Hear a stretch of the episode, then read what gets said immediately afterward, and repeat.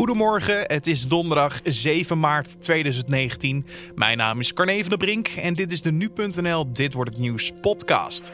Politieke debatten op televisie. Ze zijn tegenwoordig snel en lijken gemaakt voor een kort item in het 8 uur journaal. Het is inderdaad eh, alleen wel de laatste tijd geëvalueerd tot ja, zo, kort en bondig mogelijk een, een, een one-liner voor jouw partij verzinnen. Uh, waardoor jij er zo goed mogelijk uh, van afkomt, als het ware. Wat heb je als kijker aan dit snelle politieke getouwtrek op de televisie? Je hoort het zo van politiek verslaggever Edo van der Goot. Maar eerst kijken we naar het belangrijkste nieuws van nu.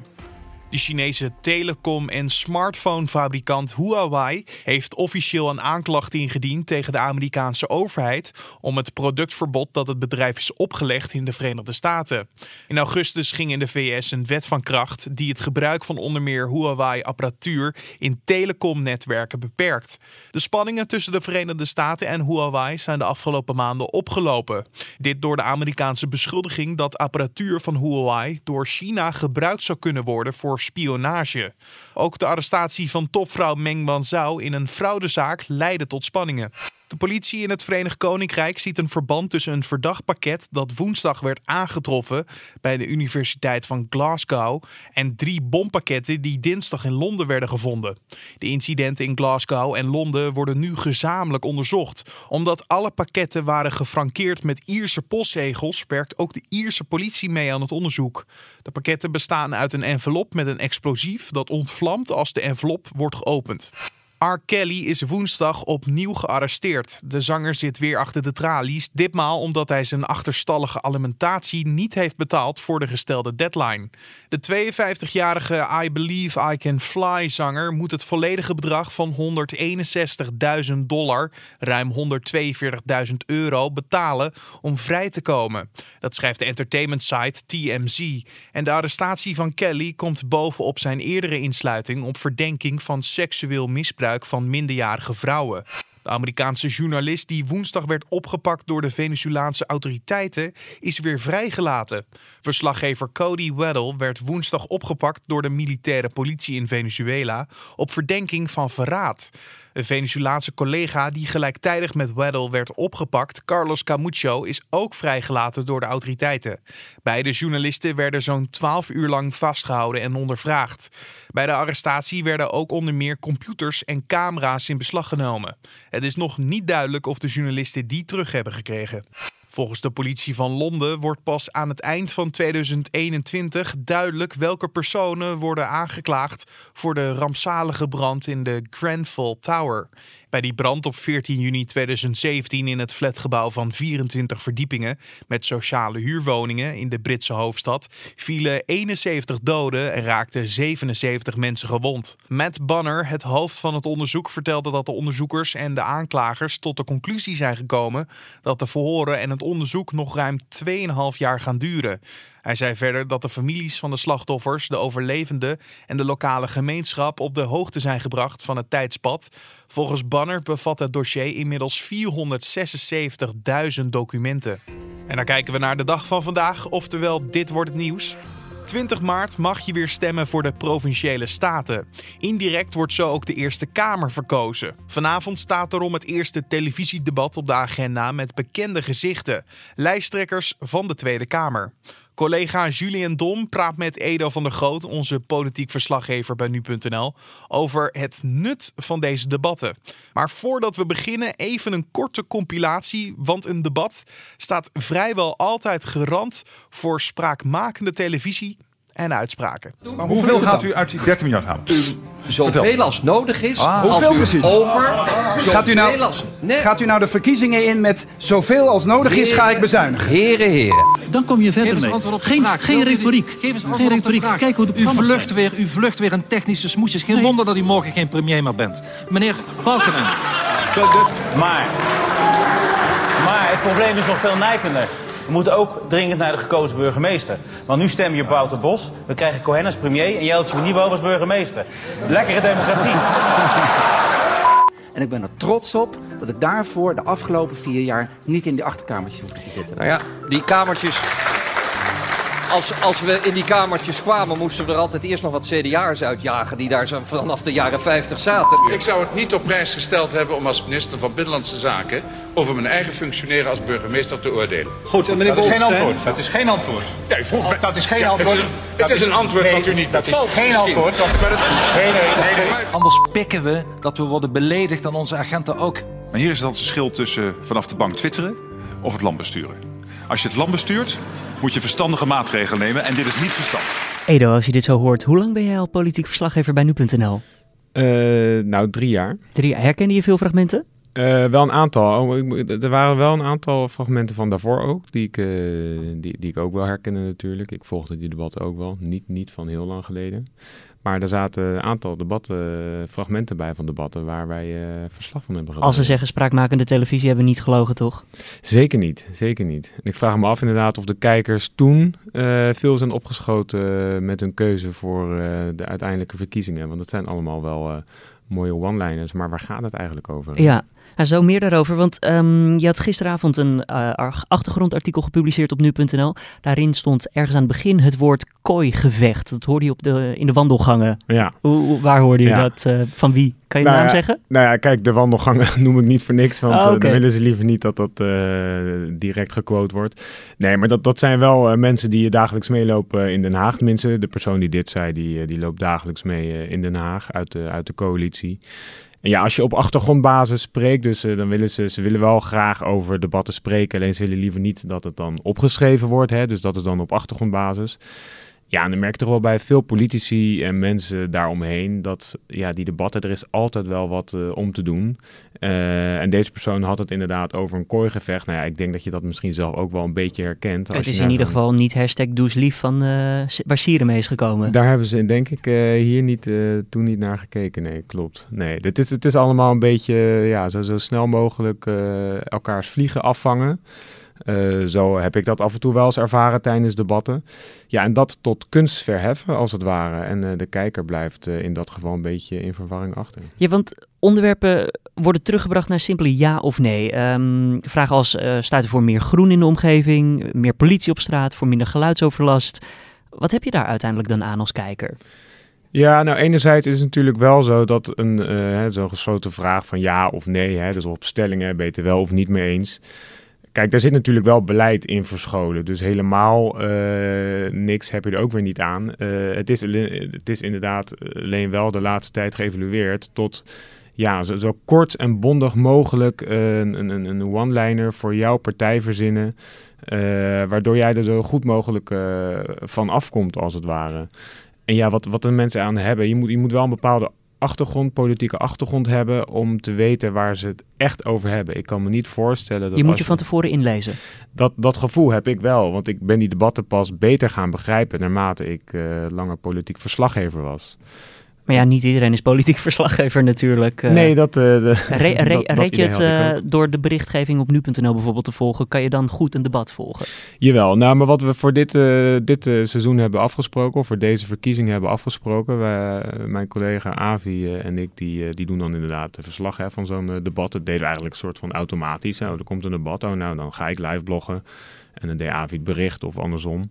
En nu hebben we eigenlijk tegen elkaar gezegd, ja, maar waarom, waarom doen we dat nou eigenlijk? Want eh, het is vaak geen nieuws, omdat ja, partijen weten van tevoren al wat ze gaan zeggen. Ze gaan namelijk hun nou ja, maximaal drie aandachtspunten brengen ze ter sprake. Veel meer moet je ook niet doen, want dan, dan weten mensen niet meer waar je voor staat.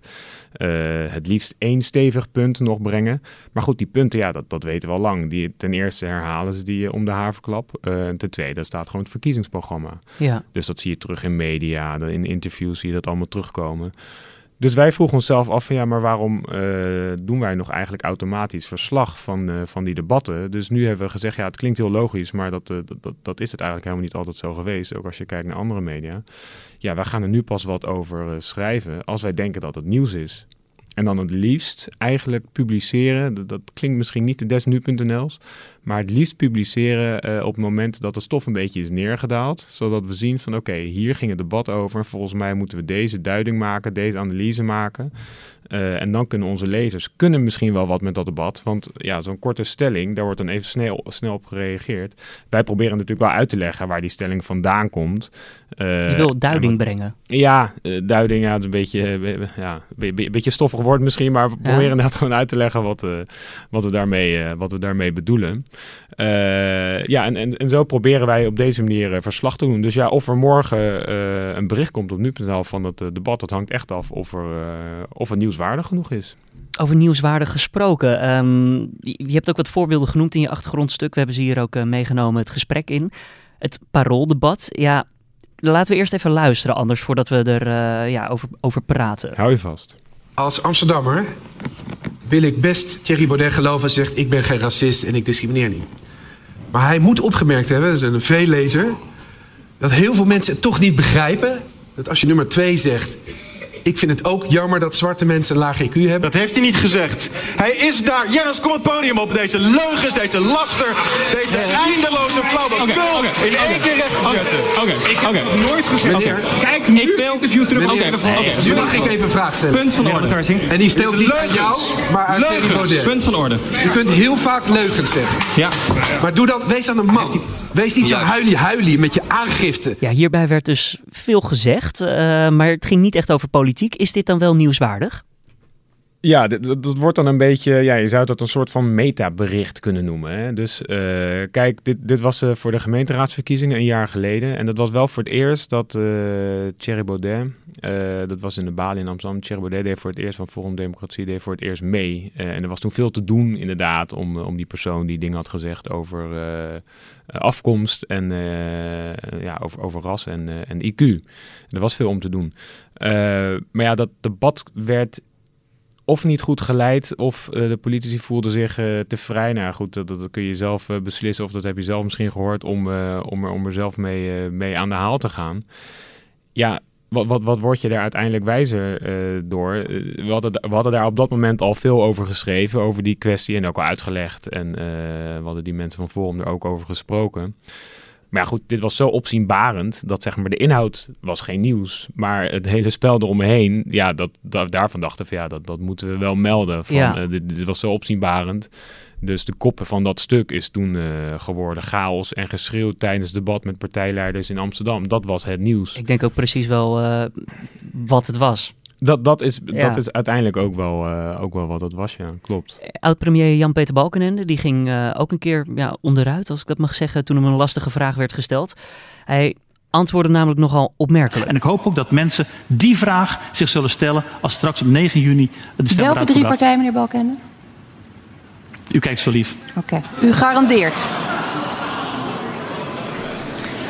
Kost dit Balkenende en het CDA zetels op zo'n moment? Ja, nou misschien moet ik eerst vertellen dat eh, ik, ik, heb ook een, eh, ik heb ook de hoofdredacteur van RTL Nieuws eh, gesproken, Harm Tasselaar. En Ja. die, eh, die zei van, ja, weet je, die debatten zijn natuurlijk wat de politici er ook van vinden. Er wordt al geklaagd sinds, eh, sinds hij, zei hij, in eh, Den Haag als politiek verslaggever rondliep eh, in de jaren tachtig. Toen werd er ook al geklaagd door politici over tv-debatten. Dus blijkbaar eh, zijn de verwijten net zo oud als, eh, als de debatten zelf. Het is niets nieuws. Dat is niets nieuws. Hij zegt van ja, die debatten zijn ook gewoon wel echt belangrijk voor politici. Want je kan gewoon, hè, zoals hij dat noemt, een game changer kan er eh, uit, uit, uit voortkomen. Dat betekent eigenlijk zoveel als er gebeurt iets zo opzienbarends dat vanaf dan eh, verandert het spel. Opeens, dat is een vrij letterlijke vertaling, Eh, om, omdat het ook zo is. Eh, opeens wordt er dan alleen maar sinds dat debat over een bepaald onderwerp gesproken.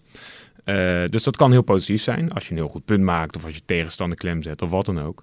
Maar het kan ook iets negatiefs zijn. Als jij een blunder maakt, dan kunnen mensen ook denken van god, wat, wat, wat zegt hij nou?